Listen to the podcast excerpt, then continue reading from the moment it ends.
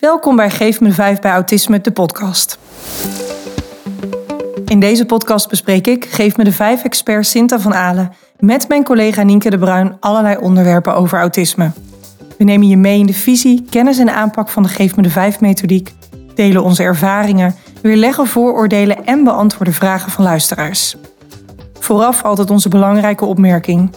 Autisme uit zich bij de ene persoon totaal anders dan bij de ander. En wij kunnen in deze podcast niet alles op maat maken. Nuanceer daarom wat we zeggen en gebruik vooral alleen dat wat bij jou past.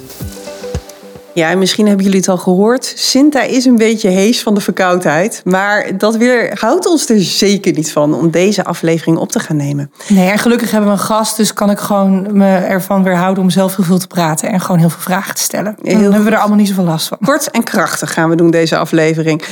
Aflevering 23. En deze aflevering heet Het geheim van klein kijken. Spannend.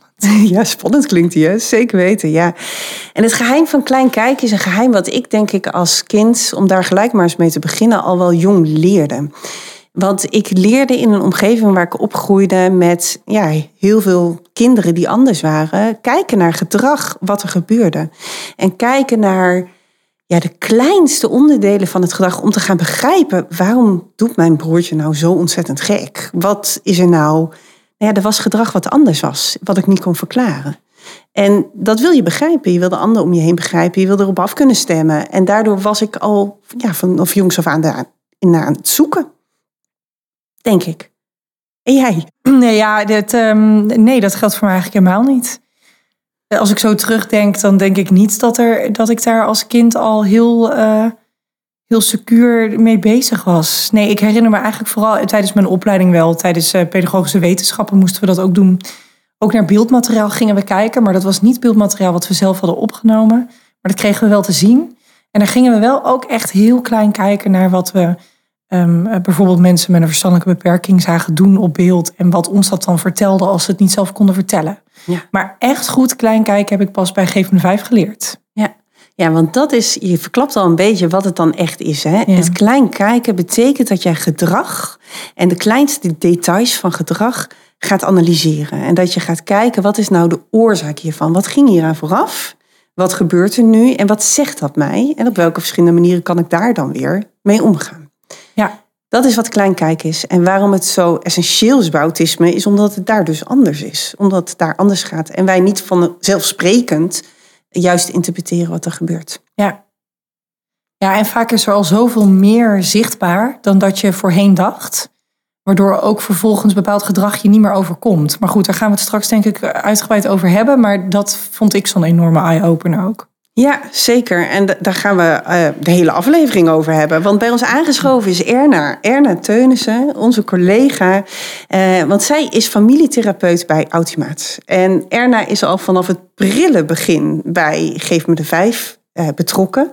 En nou, ik leerde Erna kennen toen zij samen met Colette aan het ontwikkelen was. Colette was nog volop in ontwikkeling met de Geef me de Vijf methodiek. En Erna was daarin haar sparringspartner. Onmisbaar in dat proces. En Erna is echt expert in kleinkijken naar gedrag, gespecialiseerd in autisme.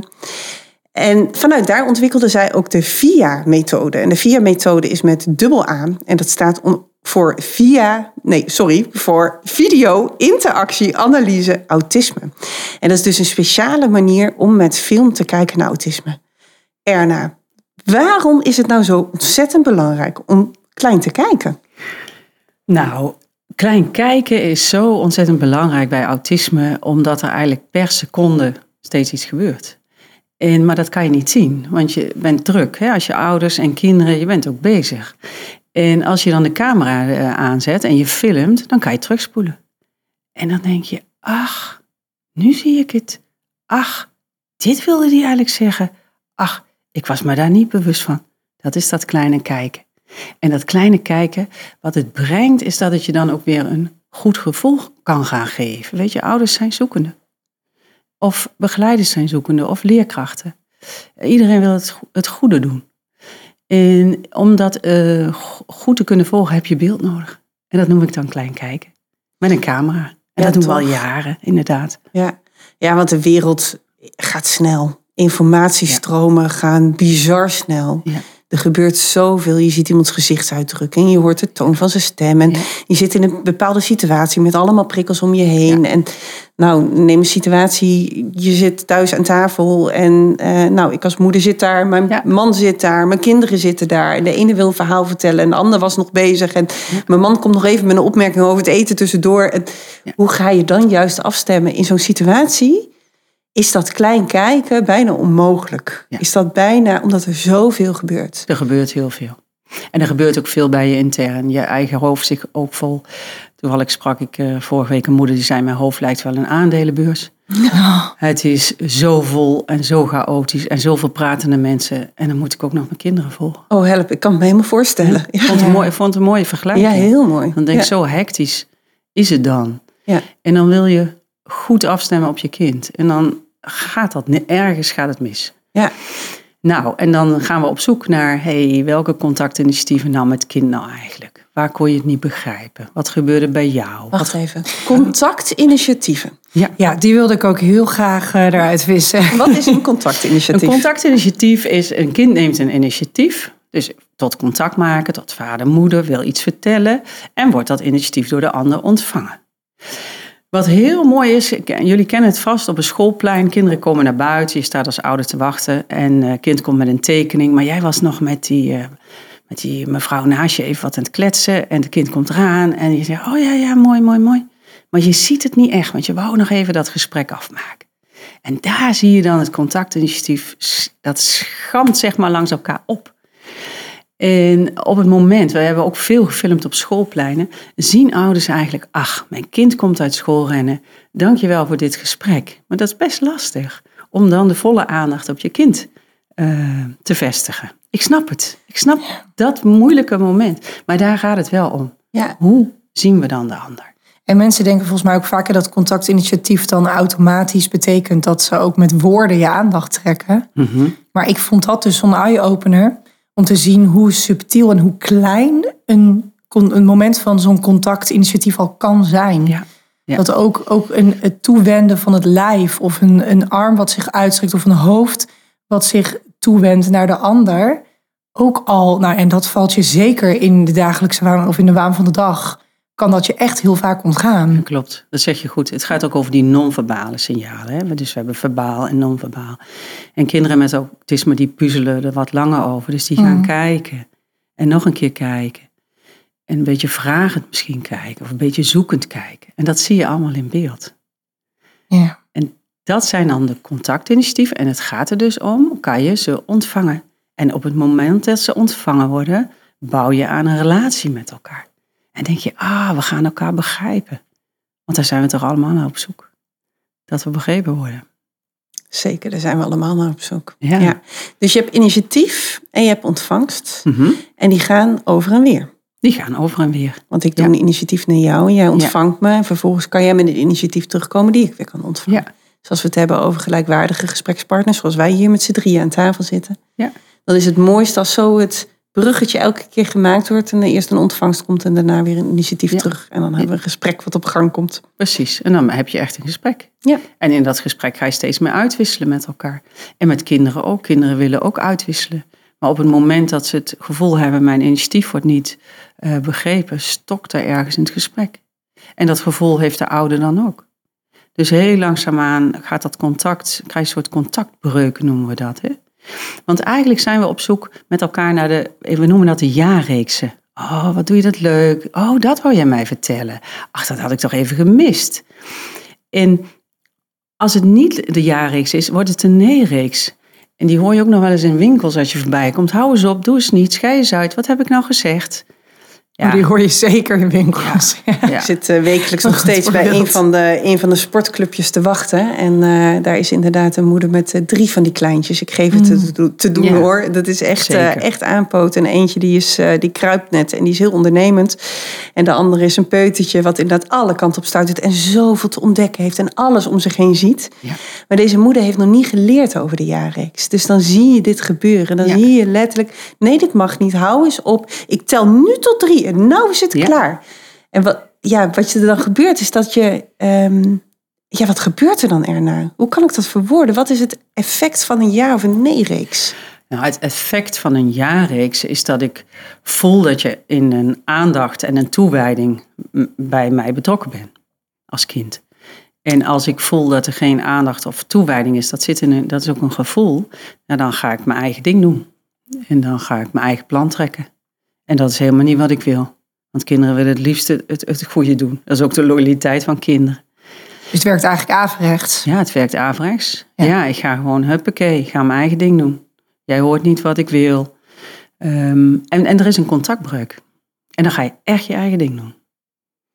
Een contactbreuk in die zin dat je dan dus jouw initiatief niet ontvangen wordt. Dan wordt je initiatief niet ontvangen. En als dat niet ontvangen wordt, kan het ook nog zo zijn dat stress kan oplopen bij, bij, eh, bij de kinderen. En vervolgens bij de ouder. Ja. Ja. Want zo'n kindje ziet een eh, puzzel liggen en die pakt die puzzel van tafel en die nou, gaat onhandig, valt helemaal op de grond. Ja. Ehm, wat zou dan een moeder zeggen in deze situatie in een nee-reeks en wat zou ze zeggen in een ja-reeks? in een neerreeks. Hè? Wat doe je nou weer? Gaat, gaat ook altijd mis. Je had het ook moeten laten liggen. Wat doe je nou? En in een jaar is ach, jij wou die puzzel maken. Dat ging helemaal mis. Vallen al die stukjes op de grond. Kom maar, ik ga jou even helpen. Ja. ja. Oh, ik voel het, voel het verschil al in mijn lichaam. Ik voel al dat dit, die nee-reeks, eh, krijg ik al directe stress. Terwijl die ja-reeks denk je, oh, oké, het mag misgaan. Ja. Mama zag wat mijn bedoeling was Ja. en ik word zelfs geholpen. Ja. ja En toch kan ik me ook goed voorstellen hoor, dat als je dit zo hoort. En ehm, we praten nu even vanuit een, een ouder perspectief, dus die hou ik even aan. En stel je hoort dit en denkt, oh, ik hoor mezelf.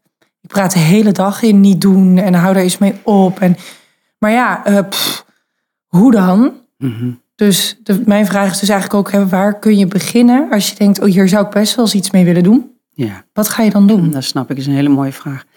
Weet je, sommige ouders zitten ook zo vol. En sommige ouders hebben het zelf als kind ook niet makkelijk gehad.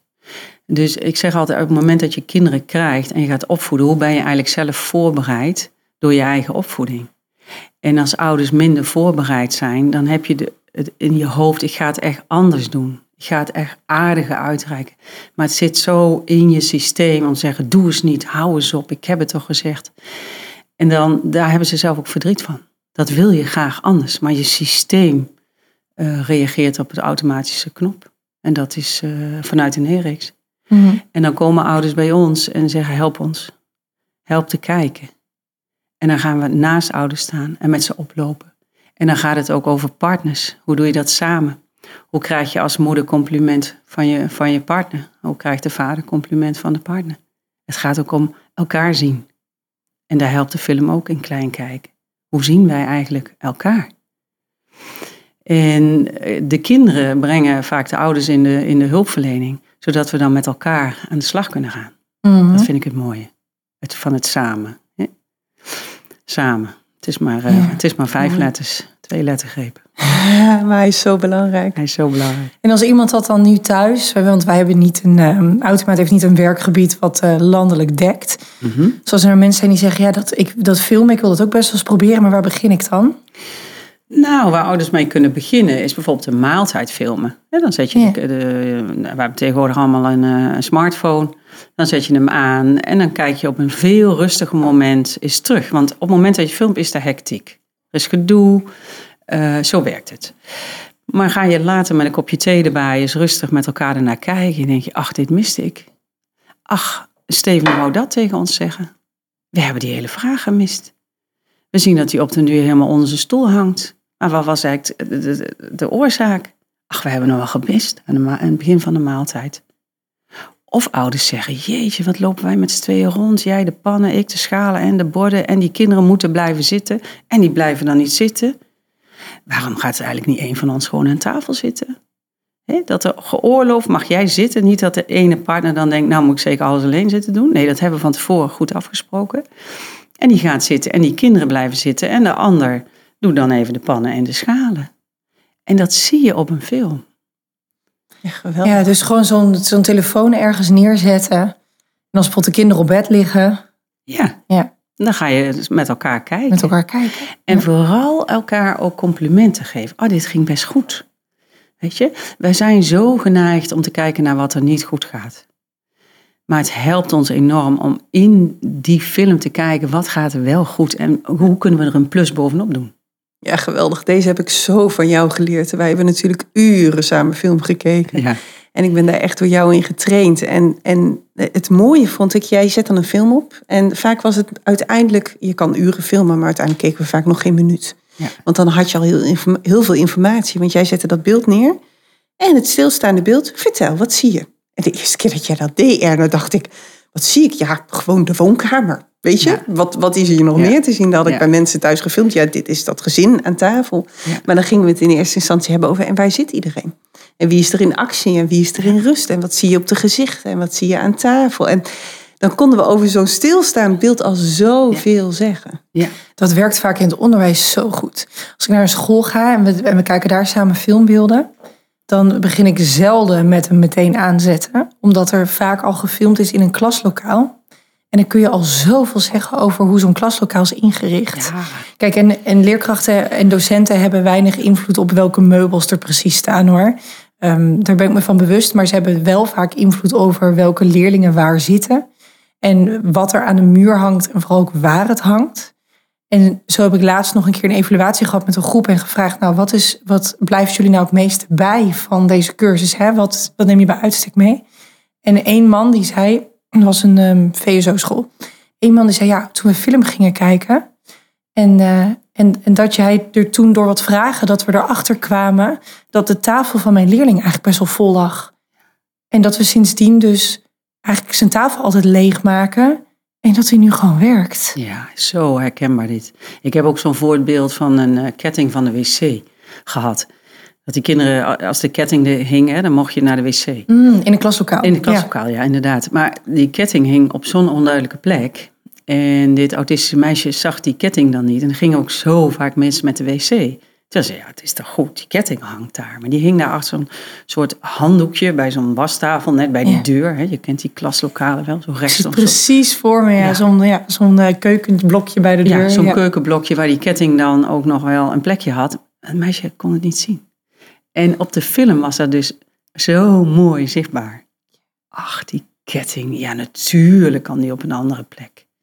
Nou, dat is dus terugdenken. Eigenlijk spoelen we met de film de film ook weer terug. Hè? We gaan natuurlijk eh, in de microanalyse ga je hem stilzetten, ga je naar dat beeld kijken, maar terugspoelen, kijken, terugspoelen, kijken. En dan krijg je een ervaring binnen jezelf, in je lijf. Hè, net wat Nienke ook al zei, oh ja, ik voel dat verschil tussen ja-reeks of nee-reeks, voel het in mijn lijf. Dat zie je ook naar een film, je voelt het in je lijf. Ja. En het toffe is, als je het op film hebt gezien, ga je het in de werkelijkheid, in de volgende situatie, ga je het herkennen. Ja. En dan kan je het klein kijken van filmbeelden meenemen naar de realiteit. Precies. En dan ga je steeds Ja. vaker zien, oh, maar het is precies hetzelfde als toen op film. Oh, hier hebben we hem weer. Ja. En dan weet je, oké, hier moet ik anders op reageren. Ja. En je gaat een effect krijgen. En dan krijg je zo'n soort juichmomentje. Ja, ik zag het en het, het, het wordt anders ontvangen. Ja. Dat is de groei. Hè? We gaan allemaal, ehm, ja, we willen allemaal groeien en bloeien. Ja, het is, Ja. het is echt precies dat hoor. Dan kom ik toch ook weer terug op die groep die ik anderhalve week geleden had. Waar we film gingen kijken. Ja. Die, eh, Een cursusgroep. ja, dat was een cursusgroep waar we de hele dag film zijn gaan kijken. Alleen maar dat. En eh, dat doen wij wel eens bij, eh, bij, bij plekken die, dan, die onze methodiek al, eh, al redelijk wel in de vingers hebben. Die hebben al heel wat cursusdagen gehad. En dan komen we soms wel een hele dag om alleen maar film te kijken. En er was een leerling van speciaal onderwijs en die had een, ehm, ja, een mega openstaande map. We hebben het in de podcast er wel eens over gehad. Dus er was iets wat hem zo erg bezig hield dat hij niet meer in het lokaal kon zitten, laat staan werken. En die ging één op één met iemand in gesprek. En de vraag van die docent was: heb ik dit wel goed gedaan? Ik twijfel of dat aan het eind van het gesprek het wel echt oké was voor hem. En er was ergens na een minuut of twee, drie, dat zij op een gegeven moment tegen hem zei: Oh, ik snap dat dit voor jou wel heel lastig is om dan aan het werk te gaan. En wat die jongen deed, die was letterlijk, die maakte zijn wangen bol en die ging uitblazen. En je zag hem helemaal zo, zo ineenzakken. Begrepen worden. En toen zette ik hem stil, want toen zei ik tegen de groep, wat gebeurde er hier? En toen bleef het stil een groep. Dus ik, oké, we gaan de afgelopen vijf of tien seconden gaan we even nog een keer kijken. En toen vielen bij mensen kwartje dat zeiden, oh, oh, hij gaat, hij gaat zuchten, maar niet op een geïrriteerde manier, maar op een hè manier. Ik zei, inderdaad. En hoe kan dat nou? En je, je, je, hoeft, je hoeft eigenlijk ook niet eens meer te zeggen Want ze gaan hem zelf na twee, sommige mensen hebben dan nog een extra keertje terugkijken nodig, drie keer terugkijken. En dan in één keer zien ze het. Omdat zij aansloot, voelde hij zich gehoord. Precies. En zijn hele lijf ging, oh. Ja, ontspanning. Stress naar beneden. ja, Dat is het. ja. Dat is het ook. Kijk, ik heb ook wel opnames gehad bij, met ouders aan tafel. En een vader die, eh, nou ja, in dit geval was de vader, die, eh, druk gewerkt, zit te eten. Maar kijkt zo ernstig dat het kind steeds denkt, ik heb iets niet goed gedaan. Ik heb Oh. iets niet goed gedaan. Dus Hoe kwam ook- je daarachter? Nou, we zetten dat beeld aan. En dat was een jongetje van, eh, even kijken, hoe oud was Lucas? Elf ongeveer. En ik zei, laten we hem er eens bij betrekken. Dus we hebben samen met de gezinsleden de film gekeken.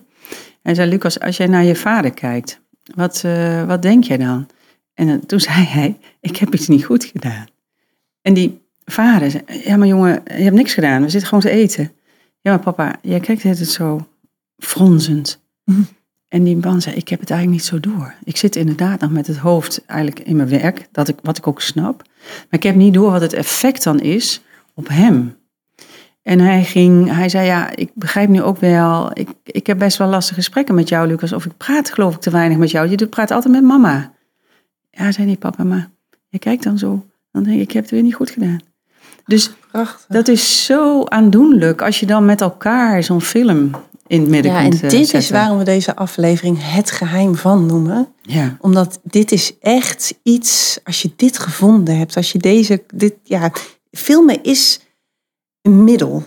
Mhm. Maar zo'n krachtig middel, omdat dit is wat je bereikt. Je ziet dingen die in de snelheid van alle dag nooit zou gezien zou hebben. Dat was je niet opgevallen. nee.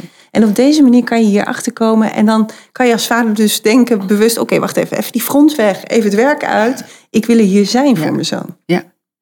Ja, heel goed. Weet je, beelden raken je ook. Dat heb je natuurlijk zelf ook als je naar een film kijkt. Hè? Dat raakt je. Gewoon die tunes al. En eh, dat raakt je. En dat raakt ook, want het gaat over jou. Met jouw kinderen. En die, iedereen doet zijn best. En ehm, in dat beeld zie je dus dat kind zijn best doen en uiteindelijk ook maar weer naar achteren gaan. En die, en die vader denkt, nee, maar dat wil ik niet. Dat wil ik gewoon niet. Ehm, en een moeder zegt, ja, ik heb het je wel eens uitgelegd, toch, eh, Hans? Maar ja, dat was dan niet de uitleg die, eh, die Hans van moeder wilde horen. Maar via zijn zoon liep het echt, eh, ja, liep dat gewoon mooi. Ja. Kwam je in gesprek met elkaar. Ja, en dat is ook een verschil. Of Dat je het dan te verschil. horen krijgt van de ander of het zelf ook Ja. ziet en eh, Ja. met z'n allen bespreekt. Ja. Ja, weet je, je moet elkaar, het gaat ook niet om elkaar een zwarte piet toe te spelen. En eh, om te zeggen, zie nou wel, ik zei toch altijd al dat jij dat deed, dat helpt niet. En tegelijkertijd, ehm, nou niet tegelijkertijd, want dan lijkt het alsof ik het ernaast zet. En- En ik ben het helemaal met je eens. Wat er ook is, is dat film heel kwetsbaar is. Ja, zeker. Dat het heel kwetsbaar is. Wij, do- wij doen dat hier in onze teams ook. Dat je jezelf filmt terwijl je aan de keukentafel zit met een gezin. En dingen zit te bespreken. En dan het liefst er nou altijd, eh, je mag dat wat goed gaat, mag je doen. Maar je mag ook dat waar je helemaal niet uitkwam. met Dat gezin wat je juist waar het lastig is, waar het, waar het Ja. stroef gaat. Ja. Nou, dan kom je met dat stukje film, terwijl je jezelf al niet zeker voelt. Terwijl je al, en die, je laat je dan aan je hele team zien. Om ervan te leren, je weet de kracht. Maar mega toch, het spannend. is heel spannend, het is heel kwetsbaar. Ja, het is, het is mooi dat zeg Nienke. Ja, inderdaad. Nou, de film is natuurlijk, je komt bij het intieme leven van de mensen. Maar neem jezelf ook mee. Dus we hebben ook gezegd, wat jij zegt, we filmen ook onszelf. Want het is mooi om achter die camera te zitten. Maar wij moeten er ook in zitten in dat beeld. En dus wij hebben de, het beeld, je reflecteert op, op eh, de, de ouders reflecteren op zichzelf, of de leerkrachten of begeleiders. Maar wij reflecteren ook weer op onszelf. Want dat, dat is dus het proces, want eigenlijk leren we van elkaar. De eerste keer kan je dan alleen maar zeggen, oh mijn stem klinkt zo gek. Oh, het Ja. zit zo raar. Oh, mijn haar zit helemaal niet goed. Oh, waarom zeg ik dat zo stom? Dat gebeurt de eerste keer. Ja. En daarna kan je dat allemaal achter je laten. En dan kan je gaan kijken naar wat is nou de inhoud van wat ik zeg. Ja. Ja. Ja. Zeker, ja. Trainers doen het ook bij ons om die reden. Met, met ook weer een, een deels een heel ander doel, maar deels eigenlijk het, het, precies hetzelfde doel. Ja. Als je een cursus staat te geven, ehm, ja, wat doe je eigenlijk? En zie je wat er gebeurt in de groep? En eh, wat mis je en, en wat heeft dat voor effect? Of wat pik je heel goed op en wat gebeurt er daardoor in de groep op een positieve manier? Ja, klopt. zeker. Ja. Ja. je kan dus heel veel Ja. situaties filmen. Je kan kiezen, hè, zo'n schoolplein, of het, of het eten, gewoon een dagelijkse situatie. Je kan kiezen voor dat wat goed gaat. En dat is zeker als je begint met filmen heel fijn. Maar ook naar een complexe situatie toe. En eh, als je het filmt, een paar minuutjes is genoeg. Je hoeft echt geen hulpverlener te zijn om het terug te kijken. Want je kan het ook onderling gewoon met z'n tweeën eens gaan kijken. En mm, ja, op een afstandje op die manier reflecteren op hoe je dat doet. Ik zeg met z'n tweeën, want natuurlijk kan het ook alleen. D- dat kan. Maar met z'n tweeën heb je nog net wel even die feedback van die ander. Ja, dat is helpend. Zeker. En dan noem je eigenlijk alledaagse dingen. Je noemt wat kleine dingetjes in contact. Maar soms haal je er ook patronen uit die onderling tussen mensen gaan waar je nooit eerder bij stil had gestaan. Dat gebeurt Ja. ook veel. Ja, ik heb wel een mooi voorbeeld van een patroon uit een woonvorm. Dat gaat over een eh, mevrouw met syndroom van Down en autisme. En dan moet je je voorstellen dat je een eh, eettafel hebt waar acht mensen aan zitten. Er zaten tien in een groep. Twee mensen moesten, moesten door de begeleider eh, eh, geholpen worden met eten. Dus die was intensief met twee bezig. Die andere acht, waaronder andere Ans, zat aan die tafel. En die, er werd aangemeld met een eetprobleem. Maar waar kwam ik nou achter? Ik heb het drie keer gefilmd. Want de eerste keer zeggen we, oké, is toeval. De tweede keer is opmerkelijk. En de derde keer is een patroon. Dus ik heb drie keer die, die eh, situatie gefilmd. Waarin ik Ans, op het moment dat de schaal doorgegeven moet worden naar de andere. Zij zat een beetje in het midden van die tafel. Stopte die schaal weer bij haar en ging zij weer opscheppen. En vervolgens ging die schaal weer door. En dat ging zo'n keer of vijf tijdens die maaltijd. En elke keer ging Ans opscheppen. Maar Ans had eigenlijk helemaal geen honger. Die had het prima opgeschept. Maar die kreeg een soort gekke cue. Ik krijg die schaal met eten en dat betekent opscheppen. Nou, dat hebben we drie keer eh, eh, opnieuw geanalyseerd. En eh, toen hebben zij daar een andere, Ans op een andere stoel gezet. Die schaal niet meer laten passeren. En er was helemaal geen probleem meer met het eten. Iedereen was zo verbaasd. Zeggen, oh, dat hebben we haar nooit uitgelegd. Ja. Dat, die schaal hoef jij alleen maar door te geven. ja. Ja, het was prachtig. Ik kan daar zo van genieten als je daar dan zo klein achter komt met elkaar. Ja, geweldig. Ja, Ja, ja zeker omdat je er anders niet achter was gekomen. nee, Ja. daar waren we niet achter gekomen. En vervolgens zit Ans dan heel lang nog met een bord met eten. En iedereen zegt, Ans, schiet eens op. En we hebben toch wel genoeg gehad. En eh, we willen allemaal weer wat anders doen. dat, ja. Hey, en Ja. nu hebben we het veel over jaarreeksen en, en ontvangen gehad en patronen herkennen. En je noemt ook wel wat voorbeelden van hoe dat dan bij autisme gaat. Maar wat is dan bij dit kleine kijken echt anders bij autisme? Nou, een heel groot verschil is de puzzeltijd. Je ziet echt in de camera, ik had een paar weken geleden nog weer een, eh, een voorbeeld van een eh, meisje wat met haar moeder pepernoten ging eh, bakken. En moeder had de smartphone op de aarde gezet, dus die was haar met haar aan het filmen. En je ziet haar verpuzzelen, want de vorige keer hadden ze het in een andere beslagkom gedaan. En de vorige keer was haar neefje erbij, dat was nu allemaal anders. Ze was echt naar de handen van de moeder aan het kijken. En die moeder, dat meisje stond dus naast moeder. Hè? Je kunt je voorstellen, staan samen aan het aardig.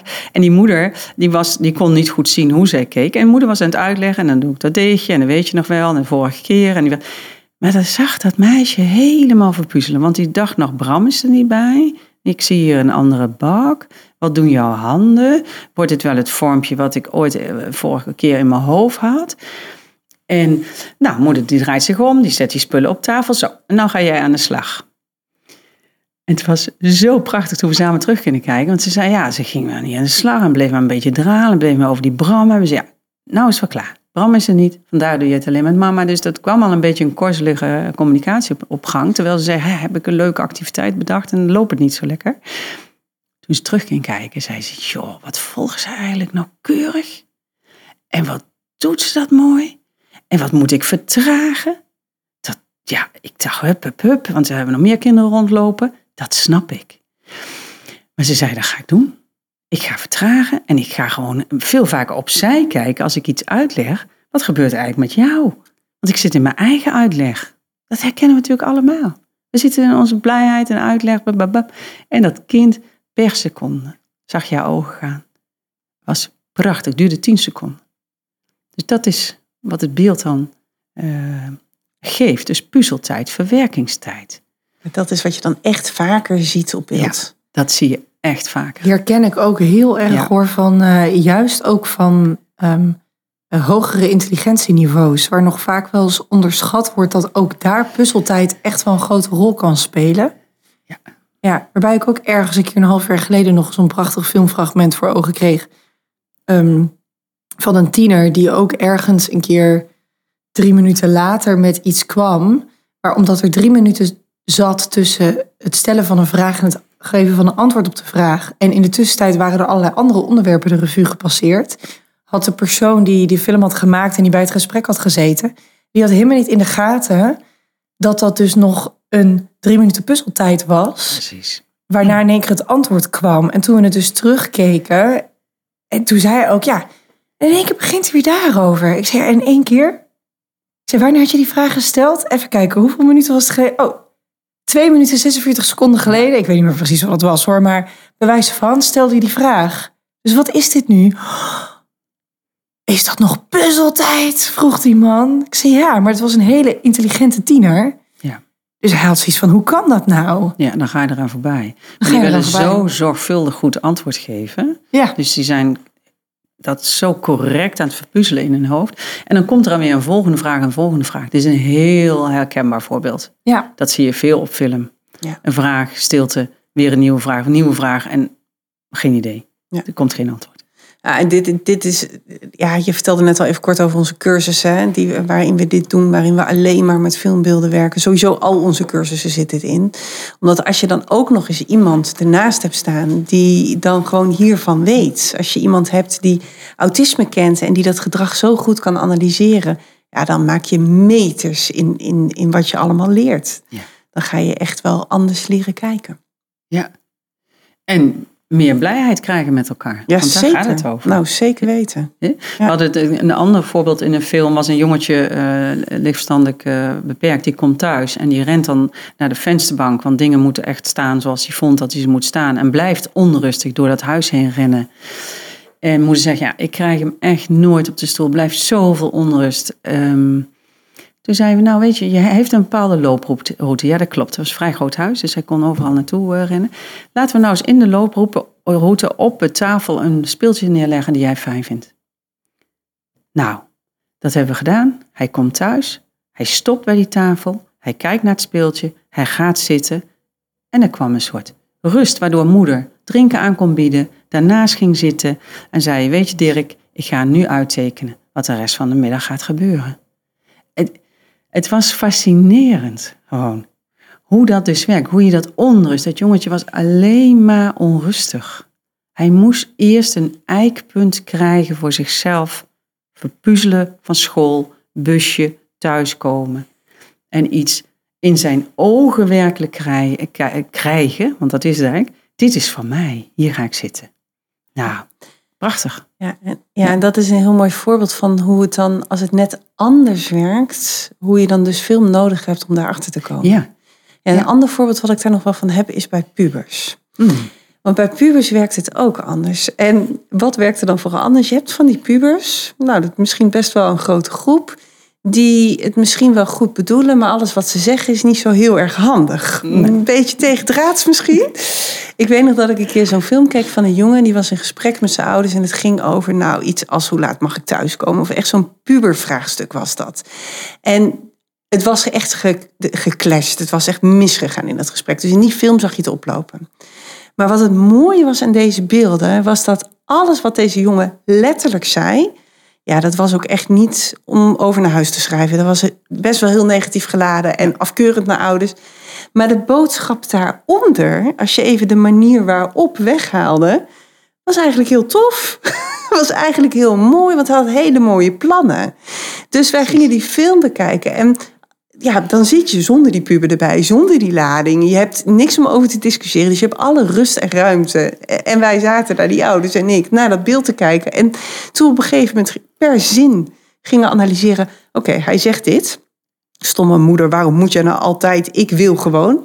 Maar eigenlijk zegt hij dus, ik wil heel graag dat. Dat is zijn boodschap. Oké, volgende zin. Ja, en Dit is wat er letterlijk uitkomt. Wat zit eronder? Precies. En hoe kan je dat dan horen en ontvangen? Ja, Want daar gaat het dus over. Hè? Ja. Want dat is, eh, we hebben natuurlijk binnen de Geef me de Vijf het wat-kaartje ontwikkeld. Hè? Het is het eh, co- contactschema. Hoe, hoe analyseer je de film en wat staat voor hoe nemen we waar, hoe sluiten we aan en hoe voegen we iets toe. Ja. Waarnemen, aansluiten, Sluiten, toevoegen. En dat Ja. maakt wat.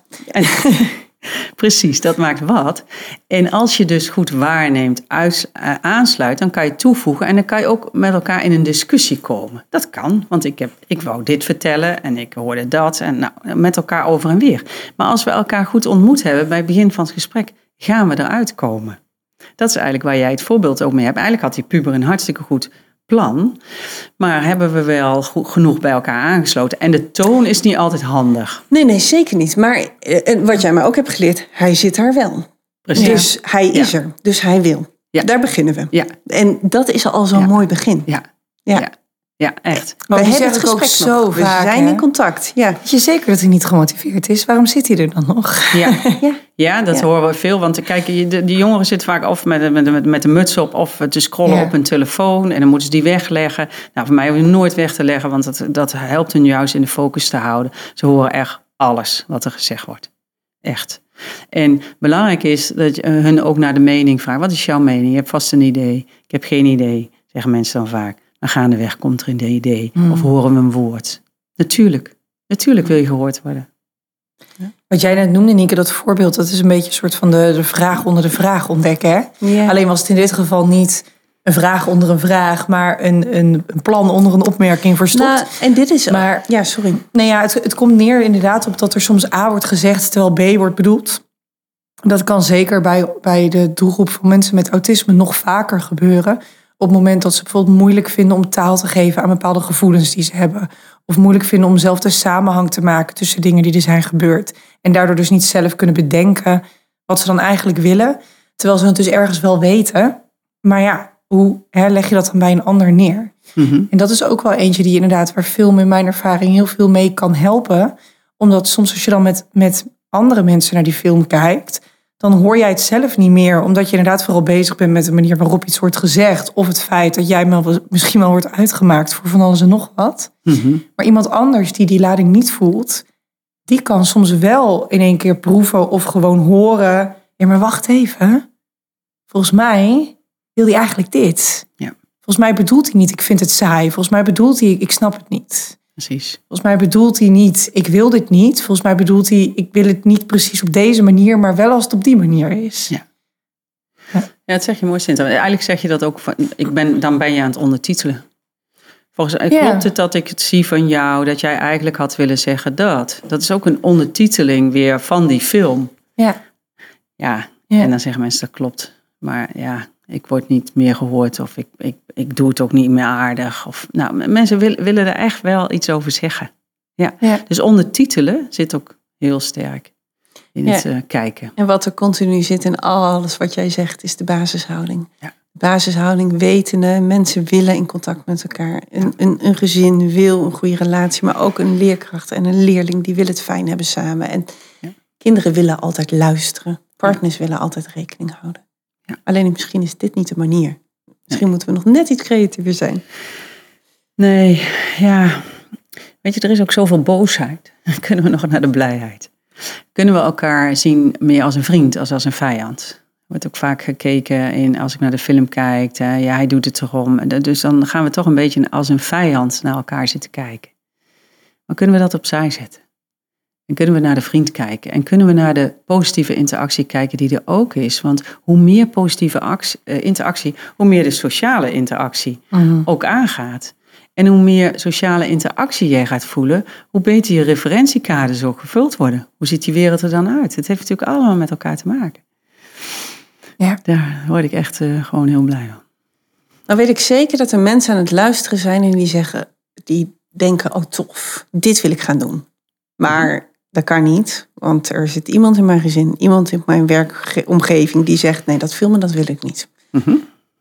Wat doe je daarmee? Heb je daar tips voor? Ja, zeker wel. Als je bijvoorbeeld een gezin hebt, hebben we wel, hè, of pubers zeggen, ja, ik wil niet op die film. Nou, ik vraag heel vaak aan die puber, wil jij dan dit gezin filmen die er wel eh, op willen? Of wil je daar een vlog van maken?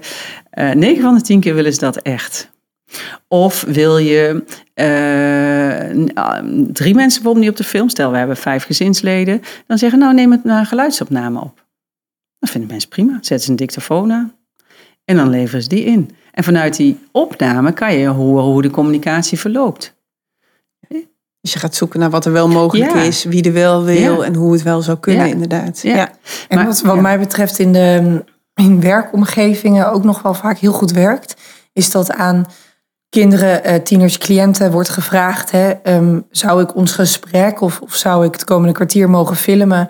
Want um, dat helpt mij om uh, bijvoorbeeld autisme beter te snappen. Of want dat is omdat ik aan het leren ben hoe ik nog weer beter kan communiceren. Of, nou, dat doe je natuurlijk in de taal van degene tegen wie je het hebt. Ja. Um, maar waarmee je eigenlijk gewoon zegt, dat helpt namelijk mij. En ik hoor bij professionals eigenlijk heel vaak dat als ze dat op die manier verwoorden, dat dan de, degene die ze willen filmen, de cliënt of de leerling, altijd, altijd denkt, nou, ik wil jou wel graag helpen. Ja, dat zie ik wel zitten. Dat merk ik ook als ik mezelf ga filmen, terwijl ik um, uh, onze post-HBO geef of een cursus geef dan zeg ik ook altijd tegen mijn studenten of tegen mijn cursisten waarvoor ik het ga gebruiken. En dan benoem ik ook, joh, het zou mij heel erg helpen als ik jullie er ook op mag hebben. Want dan kan ik met terugkijken ook van iedereen precies zien hoe jullie op mij reageerden. En dan weet ik weer wat daarin wel of niet handig Jullie op mij reageren, heel mooi. Ja, en dan, dan zeggen zelfs de mensen die zoiets van, nou, ik sta liever niet op film, omdat ze dan weten wat ik ermee ga doen. En omdat ze echt weten, oh ja, dat is dus omdat Sinta zichzelf wil verbeteren heb ik eigenlijk zelden tot, nou volgens mij nooit, maar laat ik niet overdrijven, zelden dat iemand zegt nee, ik wil het toch echt niet. Mhm. Ja, dat, het gaat inderdaad over die introductie. En het gaat ook, als je eh, naar de gezinnen kijkt, hoe ouders eh, niet zeggen, ja, het gaat om jou, want jij doet iets niet goeds. Hè? Wij weten het allemaal niet. Maar als ouders zeggen, nou, het gaat eigenlijk om ons. Want wij willen het ook snappen. Wij willen ook weten hoe wij met elkaar praten. En of we eigenlijk wel goed op jullie afstemmen. Of jullie wel goed horen. Nou, zetten we de camera maar op ons. Ja, dan, dan ontdoor je kinderen. Want kijk, er is niemand blij als er een vaste camera op jou wordt gezet. Want dan schijn ik een of ander probleem te zijn. Nou, en dat, dat, voel ik al helemaal. Dus dat wil ik niet. Dan zeg ik heel duidelijk: nee, dit is mijn grens. Dit wil ik niet. Dat en het doel, de wens daarbij noemen is ook zo mooi. Door te zeggen, wij willen, wij willen zo graag dat het weer fijn is thuis. Ja. We willen het zo graag gezellig hebben. De film helpt ons te zorgen dat het weer gezellig wordt. Mooi. Dat is het. Nou ja, wat kinderen ook wel heel mooi doen als we een camera. En uiteindelijk uh, is het allemaal oké. en dan uh, komen wij ook wel eens filmen zelf met een camera. En dan hoor je die kinderen zeggen: Hebben we nu een tafelkleed? Dat is ook zo mooi. En dan denken die ouders, oh, niet zeggen. Want uh, we, doen het, we willen het heel goed voordoen. We willen het heel goed netjes doen. Wat ik heel goed snap, hè. Oh. Ik denk dat ik het zelf ook zou doen. Ja, um, dus het is zo mooi. En als je dan later terugkijkt, dan laten we het zo hebben. Dan, dan gaan we daar helemaal niet op in. Maar later uh, gaat die camera dan aan. Dan gaan we de review doen met elkaar. En die moeder zegt, ja, voor de tafelkleed, ja, mm, ik wou het ook echt mooi eh, voor, voordoen en gezellig maken. Ja, natuurlijk, dat is ook je intentie. En wat leverde dat op? Ze zei, ja, we waren eigenlijk heel anders. Het was veel rustiger. Eigenlijk had je gisteren moeten komen, het was er nog heel onrustig. Wat maakt het dan dat het rustig is? Ja, wij gingen langer kijken, we hadden het leuke gedekt, we hadden die hele stapel boeken en kranten ook maar eens weggelegd. We hadden de tafel dus leeggemaakt, want dat ga je doen je gaat ook extra inzet geven voor zo'n film. Dus aandacht. Het aandacht. Dus het heeft een effect direct. Ja. ja. wat goed. Want je gaat gelijk. Ik wou naar het vooroordeel toe. En dit is het vooroordeel wat we heel vaak horen. Dat is, het wordt zo anders als jullie gaan filmen. Want dan gaat iedereen zijn best doen. Ja, dat nou ja, dat laatste wordt er vaak niet eens bij gezegd. Want mensen hebben die link die jij net legt, Erna, hebben mensen niet eens altijd door. Vaak wordt er dan gefilmd, dan kiezen mensen een moment waarop ze denken, nou daar wil ik heel graag dat er even iemand meekijkt. Want dat is toch altijd zo'n chaos, bijvoorbeeld zo'n eetmoment, maar het kan van alles zijn. En dan hebben ze het gefilmd en dan zeggen ze, nou, precies datgene wat echt letterlijk iedere dag gebeurt, gebeurde nu dus niet. Dus ik heb voor niks gefilmd, denken mensen dan. Mm. Maar dat is dus niet zo, zeg jij net heel mooi. Nee, nee, want ten eerste, er is altijd wel iets te zien, want mensen blijven toch zichzelf. En je kunt niet volledig je eigen gedrag en je eigen zijn even het raam uitgooien voor een opname. Dus er zijn toch altijd wel wat dingen te zien. Maar ook inderdaad, als er in één keer wel dingen goed gaan, ja, dan is er dus blijkbaar al iets gedaan wat toch anders is ten opzichte van gisteren. Ja. Wat je dus wellicht kunt blijven inzetten. En dan is dat dus aanwezig om het nog beter, nog meer goed te laten gaan. Er is Ja. dus iets aanwezig, want we zijn soms heel moedeloos. Het lukt niet meer, het lukt bij ons niet. En dan lukt het wel. En dat klopt zin, want je gaat op den duur, word je weer jezelf en dan ga je weer sneller praten of kortaf praten, weet je wel. Zo. Maar in het begin ben je heel erg bewust van die camera. En dat heeft een effect. Ja. Ja, dat is prachtig. ja, dus eigenlijk is gewoon de boodschap dat als mensen denken, ja, eh, maar zodra ik het film verdwijnt het gedrag. Dat je dan dus eigenlijk al hebt bereikt wat je wil. Behalve dat je dan op zoek moet gaan naar en wat hebben we dan nu anders gedaan. Waardoor dit is ontstaan. En als je dat dan weet, dan Ja. ben je dus al een Ja. heel eind. Ja, wat ik ook veel zie namelijk is dat mensen dan eh, de mobiele telefoons wegleggen. Kijk maar eens hoeveel Oh ja. gezinnen een mobiele telefoon aan tafel hebben liggen. Ook al zeggen ze ja, hij staat in de trilstand. Maar juist ook trut, bij toch even afgeleid. Of die kinderen zijn afgeleid. Of jij mag het wel, papa, en ik mag het niet. Die discussie horen we tegenwoordig ook heel erg veel. En ook dat geeft het beeld. Leg die telefoons weg, zet ze uit. Of als je echt een heel dringend telefoontje verwacht, kondig het aan. Ik is een uitzondering. Hij mag nu er wel bij liggen. Kom je toch weer terug op de aandacht. Hè? Ja, dat is echt de aandacht. Meer ruimte voor contact op zo'n moment. Ja, Ja. ja. Ja. Mooi. Volgens mij hebben wij zo eh, prachtig stilgestaan bij eh, het geheim van klein kijken. Mm, ja. En alles wat daaronder zit. En de kracht ervan. Want dat, dat is het. En hoe je dit kan doen op jouw werkplek of thuis. Als je denkt, dit doen wij nooit, maar eh, ik ben geïnspireerd geraakt. Ja. Met als groot effect dat door filmbeelden te kijken... je ook in het echte leven leert klein te kijken. En dat je de ander beter gaat zien. Dankjewel. Graag gedaan. Fijn om dit zo met jullie te kunnen delen. En alle luisteraars die nu eh, meeluisteren. Mooi. De volgende aflevering, aflevering 24, die zal gaan over executieve functies. Dus heb jij een vraag over alles wat daarbij hoort, en dan moet je dus denken aan plannen en organiseren en alle vaardigheden die daarvoor nodig zijn, stuur die vraag dan in. Bedankt voor het luisteren naar Geef me de vijf bij Autisme, de podcast. Als je abonneert, dan word je op de hoogte gebracht zodra er een nieuwe podcast online komt. Vergeet niet om een reactie op deze aflevering achter te laten. Dat kan daar waar je deze aflevering hebt beluisterd, of natuurlijk op onze social media. Als je nou meer wil leren over onze methodiek, kijk dan op de website www.geefmede5.nl voor onze boeken en scholingsaanbod. En dan kun je bijvoorbeeld ook de cursus vinden die al meerdere keren in deze aflevering de revue is gepasseerd. Je vragen of opmerkingen over deze aflevering? Die mag je sturen zoals altijd naar podcast.geefmede5.nl. Geef me de 5 met het cijfer 5.